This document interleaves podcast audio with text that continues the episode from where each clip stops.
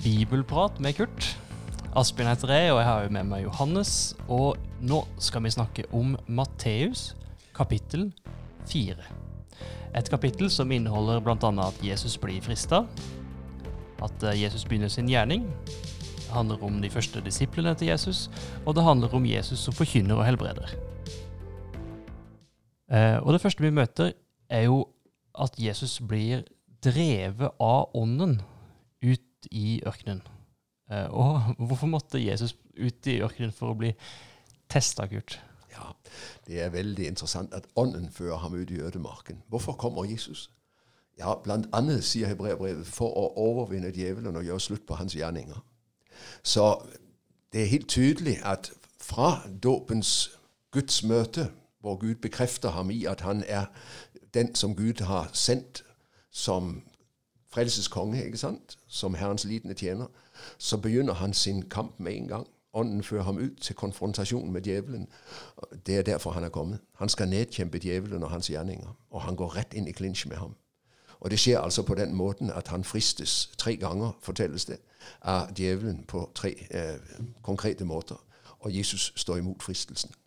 Han er ikke kommet som den sterke kongen som nedkjemper sine motstandere, og så er de borte. Men han er kommet i vårt sted for å la seg prøve, og for på den måten å berede sin vei til korset. ikke sant? Så han sier ja til den vei Gud har vist ham, og han går rett inn i kampen. Og han vinner. Djevelen må trekke seg tilbake fra ham for en tid, står det. For han lykkes altså ikke i noe av det han forsøker overfor Jesus. Jesus er Eh, Hebreerbrevet har et veldig interessant perspektiv på det. Han sier, det sier at han ble prøvet i likhet med oss. Og Derfor kan han være en stor og god øverste prest for oss, fordi han vet hva det er å bli prøvet i synd. Han har medlidenhet med oss i våre prøvelser. Han har vært der selv. Mm. En ting som, som uh, vi uh, kan synes er vanskelig her, det er nettopp det vi nevnte. Ånden førte ham. Altså når, det er et stort spørsmål, men når vi opplever vanskelige ting, er, er, det sånn at Gud bare forholder seg passiv? Oi, der skjedde det, og ja, det var synd, og sånne ting. Eller hvor kommer det vanskelig fra? For her er det jo det er jo ikke ånden som frister ham, men det er ånden som leder ham ut til det. Guds, Hvordan skal vi forholde oss til det i våre egne liv? Ja, Guds vei i verden er ikke veien utenom korset, men det er veien via korset. Når Israel føres ut av Egypt, så føres de ikke utenom Det røde hav. De bæres ikke over Det røde hav, de vandrer gjennom Det røde hav på bunnen. Og siden må de vandre i ørkenen. Å være en kristen, det er å følge Jesus. Eh, og Det betyr ånden driver også deg og meg ut i kamp mot djevelen. For når jeg blir en kristen, hva skjer da? Jeg blir ikke løftet ut av verden. Jeg blir ikke tatt til himmelen med en gang. Men jeg blir sendt tilbake til verden for å være lys og salt, og for å representere Guds rike i den virkelighet jeg lever i. Og Det betyr at jeg fristes av djevelen. Jeg står i kamp mot ham hver dag. Han frister meg gjennom min gamle natur. Han frister meg gjennom den verden som møter meg. Og stadig står jeg midt i kampen. Så Jesus han kjemper for meg og vinner, og han går med meg i min kamp. Men når jeg kjemper, så skal jeg vite Satan er beseiret, grunnleggende av Jesus. Og han har overvunnet ham. Så selv om Satan fortsatt er i virksomhet, så er han en taper. Og det er godt å vite. Men du og jeg føres ikke utenom. I Jesus spor så må vi bære korset. Hans vei er veien til korset for å dø pga. synden. Og du og jeg følger ham på korsveien på den måten at vi også må kjempe mot djevelen inntil det øyeblikk da Herren henter oss til sin evige herlighet. Men er det sånn at vi må skille litt mellom lidelser og prøvelser, altså, eller ulykker? Og det er klart, en ulykke kan jo føre til at du blir styrka i troen, men det er ikke nødvendigvis ånden som leder deg inn i den ulykken, for å si det på den måten. da. Mye av det som skjer, det er ikke uten videre Guds vilje. Det er mye vondt i verden. Og den onde har reell makt. Det ser du. Han utfolder seg, og, og det skjer mye i verden som er, vond, som er ondt. Ikke bare vondt, men som er ondt. Eh, men midt i alt dette så er Gud for å fremme sin gode vilje. Og Derfor er du og jeg trygge i Guds hånd. Men det betyr altså ikke at vi er lovet en smertefri vei, og at vi ikke skal oppleve lidelse eller ulykke, som du sier. Og i enhver lidelse og i enhver ulykke så ligger det alltid to muligheter. Det er veldig interessant at på gresk så er ordet for prøvelse og ordet for fristelse det samme. Og Jakobs brev kapittel 1 sier Gud frister ingen, men Gud prøver. Ja. Så ingen av oss fristes av Gud. Det er djevelen som frister oss. Mm. Men i enhver fristelse ligger det en prøvelse. Og i enhver prøvelse ligger der en fristelse. Og det betyr alt det du og jeg møter, det kan føre oss bort fra Gud, og det kan føre oss nærmere Gud. Noen opplevde holocaust som det sted hvor de mistet gudstroen for godt. For noen ble holocaust det sted hvor de møtte Gud og ble frelst. Og det sier noe om at det er på en måte ikke tingene i seg selv, men det er hva som gjøres ut av tingene i den enkeltes liv. Når du og jeg eh, møter fristelsen til å misbruke eh, eh, f.eks. penger, så ligger det i det en prøvelse, og jeg kan stå imot det og bli sterkere.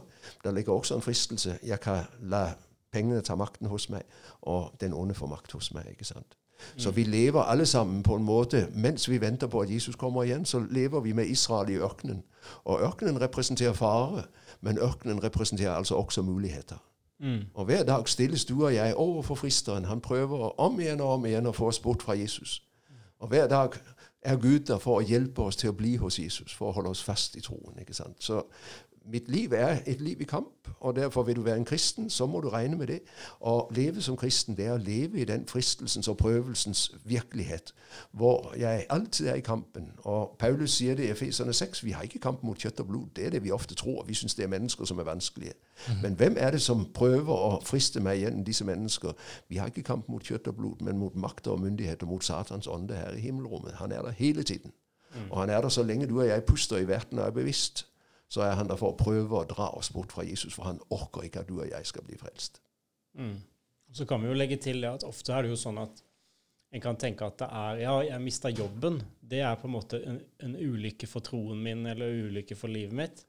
Men det å vinne i Lotto, for å si det sånn, det kan jo egentlig være noe som er vel så farlig for troen vår som å miste jobben. For da kan du det liksom helt på hodet her. Ja. Ja, men det er jo sånn, det. Jeg har jo møtt mange mennesker som sier jeg kan ikke tro på Gud når det er så mye vondt i verden. Men jeg har jo også møtt mennesker som nettopp fordi det er vondt i verden, holder seg til Gud. ikke sant? For hvor skulle de ellers ta sin tilflukt? Mm. Så, så, derfor, det at du og jeg kommer i vanskeligheter, det kan eh, ikke gi Gud skylden, hadde jeg sagt på den måten at du bruker det til å holde ham borte fra deg. Eh, I enhver vanskelighet så ligger det muligheter, og så ligger det også muligheter for å på en måte gå i stå. ikke sant? Mm. Og, og, det er jo det du ser. To mennesker. Det er jo den der gamle historien om de to skoselgerne som dro til Afrika. ikke sant? Og den ene telegraferte med en gang 'Hjem, jeg kommer tilbake, for her er ingen som bruker sko.' Og den andre han sa 'Send masser av sko, for her er ingen som bruker sko. Her kan jeg selge en masse'. Ja. ikke sant? Og det er, jo, det er jo på en måte livet i sitt mangfold. Det ene mennesket møter sorgen og går aldeles i stå. Det andre mennesket møter sorgen og opplever at det blir en ny start og en kveik til å komme videre. Krisen Ordet krisis er gresk og betyr dom, avgjørelse. Og i enhver krise så ligger det en dom. Vil du la krisen få lov å stanse deg, eller skal krisen få lov å sette deg i gang? Mm. Og alle sammen er vi i krise på den måten at vi er i ørkenen og fristes av djevelen. Skal det bli til nederlag, eller skal det bli til seier? I vers 9 møter vi en som jeg opplever som en veldig merkelig eh, greie. Eller hvordan i verden skal vi forholde oss til det her? Det er djevelen altså som, som sier Alt dette vil jeg gi deg, altså makten over uh, Han eh, viste ham alle verdens rike og deres Ja, herlighet. Ja, og så sier han alt dette vil jeg gi deg dersom du faller ned og tilber meg. Og det umiddelbare spørsmålet som slår da meg Liver, Lyver, lyver djevelen her, eller har han faktisk makten til å gi han dette? Han har det. Han har det. Men det er en makt han har stjålet. Det er ikke hans makt med rett, det er med urett. For makten er Guds. Men djevelen har gjort seg selv til denne verdens gud, sier Paulus i 2. Korinterbrev 4,4. Denne verdens gud, det er djevelen. Og han deler ut med, med raus hånd, også i dag, til mennesker. Frister dem med rikdom og penger og herlighet og glans. Og i neste omgang så oppdager de han hadde ikke makt til å gi dem det. De må gi det fra seg alle sammen. ikke sant? Men Hvordan skal vi holde det sammen med det som Paulus sier om at alle makter og myndigheter er innsatt av Gud? Eh, Det er makter og myndigheter som har gjort opprør mot Gud. Og det er jo det Jesus er kommet for, bl.a. å sette i stand ikke sant? ved å nedkjempe makten og myndighetene. Det står et veldig interessant vers i Kolossene 2, hvor Paulus taler om dette at Kristus for det første på korset har betalt vårt gjeldsbrev. Men så fortsetter han i neste vers, eh, Kolossene 2, 15. Han kledde makten og åndskreftene nakne og stilte dem fram til spott og spi da han viste seg som seierherre over dem på korset. Det er noen makter som har tilranet seg rett til å eie verden Som ikke er innsatt av Gud. som ikke er innsatt av Gud, men som har tatt den, og som derfor er under eh, angrep fra, fra Gud. Jesus nedkjemper dem, ikke sant? og de må gi fra seg makten. Det er veldig interessant. Her i, i kapittel fire så tilbyr djevelen Jesus all makt. Og du husker hvordan evangeliet slutter. Da trådte Jesus frem og sa 'Jeg har fått all makt'. Han har ikke tilranet seg den ved å ta imot djevelens mm. falske tilbud, mm. men han har fått den ved å være lydig mot Gud inntil døden, og så har Gud gitt ham all makten. Han har ikke ranet den, men han har tatt imot den som gave. Mm. Og etter at Jesus ble frista, så tar han veien opp igjen mot Galilea. Og, og der så finner han noen disipler, og så sier han at kom, så skal jeg gjøre dere til menneskefiskere. Og så virker det som at det er en del fiskere. Eh, er de, hvorfor valgte Jesus de fra Galilea, og så, fiskere? Var ikke de enkle, eller var de egentlig veldig talentfulle, disse her? Det viser seg jo at det er mange muligheter i fiskere. Men uh, det er jo spennende. Altså Det er jo det samme som vi så i kapittel 1. Ikke sant? Gud velger de som ingenting er i verdens øyne. Han bøyer seg til de små. Han begynner ikke hos kong Herodes eller hos øverste presten. Han venner seg til en liten Maria en liten Josef, til en Peter, Jakob og Johannes og hva de nå heter. ikke sant? Han bøyer seg til ganske alminnelige mennesker og sier 'Jeg er ikke avhengig av det verden kaller stort'. Det som er stort i mine øyne, det er noe helt annet. Det er de små. Han utmyker de hovmodige, og så opphøyer han de små. ikke sant? Og Det er jo det Maria synger i sin lovsang i Lukas 1. Så dette er et veldig godt eksempel på at Gud er ikke avhengig av det som mennesker kaller stort. Og så er det jo fantastisk. Jeg tenker jo på hvert eneste menneske er unikt. Altfor mange mennesker fikk ikke utfoldet sitt potensial, dessverre, av forskjellige grunner. Men du ser jo det at om igjen og om igjen så kan plutselig et menneske som tilsynelatende var grått, utfolde et potensial som ingen hadde tenkt. Hun som skrev Harry Potter-bøkene, hun var en ganske alminnelig husmor. Så begynte hun å bruke fantasien. Og i dag er hun vel mange millionær takket være disse bøkene som hun skrev om Harry Potter. ikke sant? Men i utgangspunktet var det ingen som så på henne som en potensiell eh, suksessforfatter. Så begynner hun å skrive, og plutselig så får hun kolossal oppmerksomhet og blir et stort navn. Eh, jeg har møtt lærere som møter sine elever med stor ærbødighet, for de sier 'Jeg vet ikke hva som sitter her på pulten foran meg'. Det kan jo være en kommende minister. Ikke sant? Det kan være en kommende gründer. Det ser du ikke på folk. Og Derfor er det jo veldig spennende at Jesus velger små mennesker, og så lar han dem få utfolde sitt potensial under Åndens ledelse. Og det er det Gud gjør fortsatt. Mm. Eh, så eh, i vers 23 så, litt, så, får jeg litt sånn inntrykk av at her prøver egentlig om Matteus å si med veldig få ord hva egentlig Jesus hva Jesu tjeneste går ut på, eller hva, det, hva Jesus driver med her i, i, i disse um, åra han har, gjør sin tjeneste. Og da står det siden dro Jesus omkring i hele Galilea. Han underviste i synagogene deres. Han forkynte evangeliet, eller du kan si de gode nyhetene om riket, og helbredet alle sykdommer og plager hos folket. Hvorfor, hva, hvorfor, hvorfor oppsummerer Matteus tjenesten til Jesus med det, disse to, egentlig to tinga?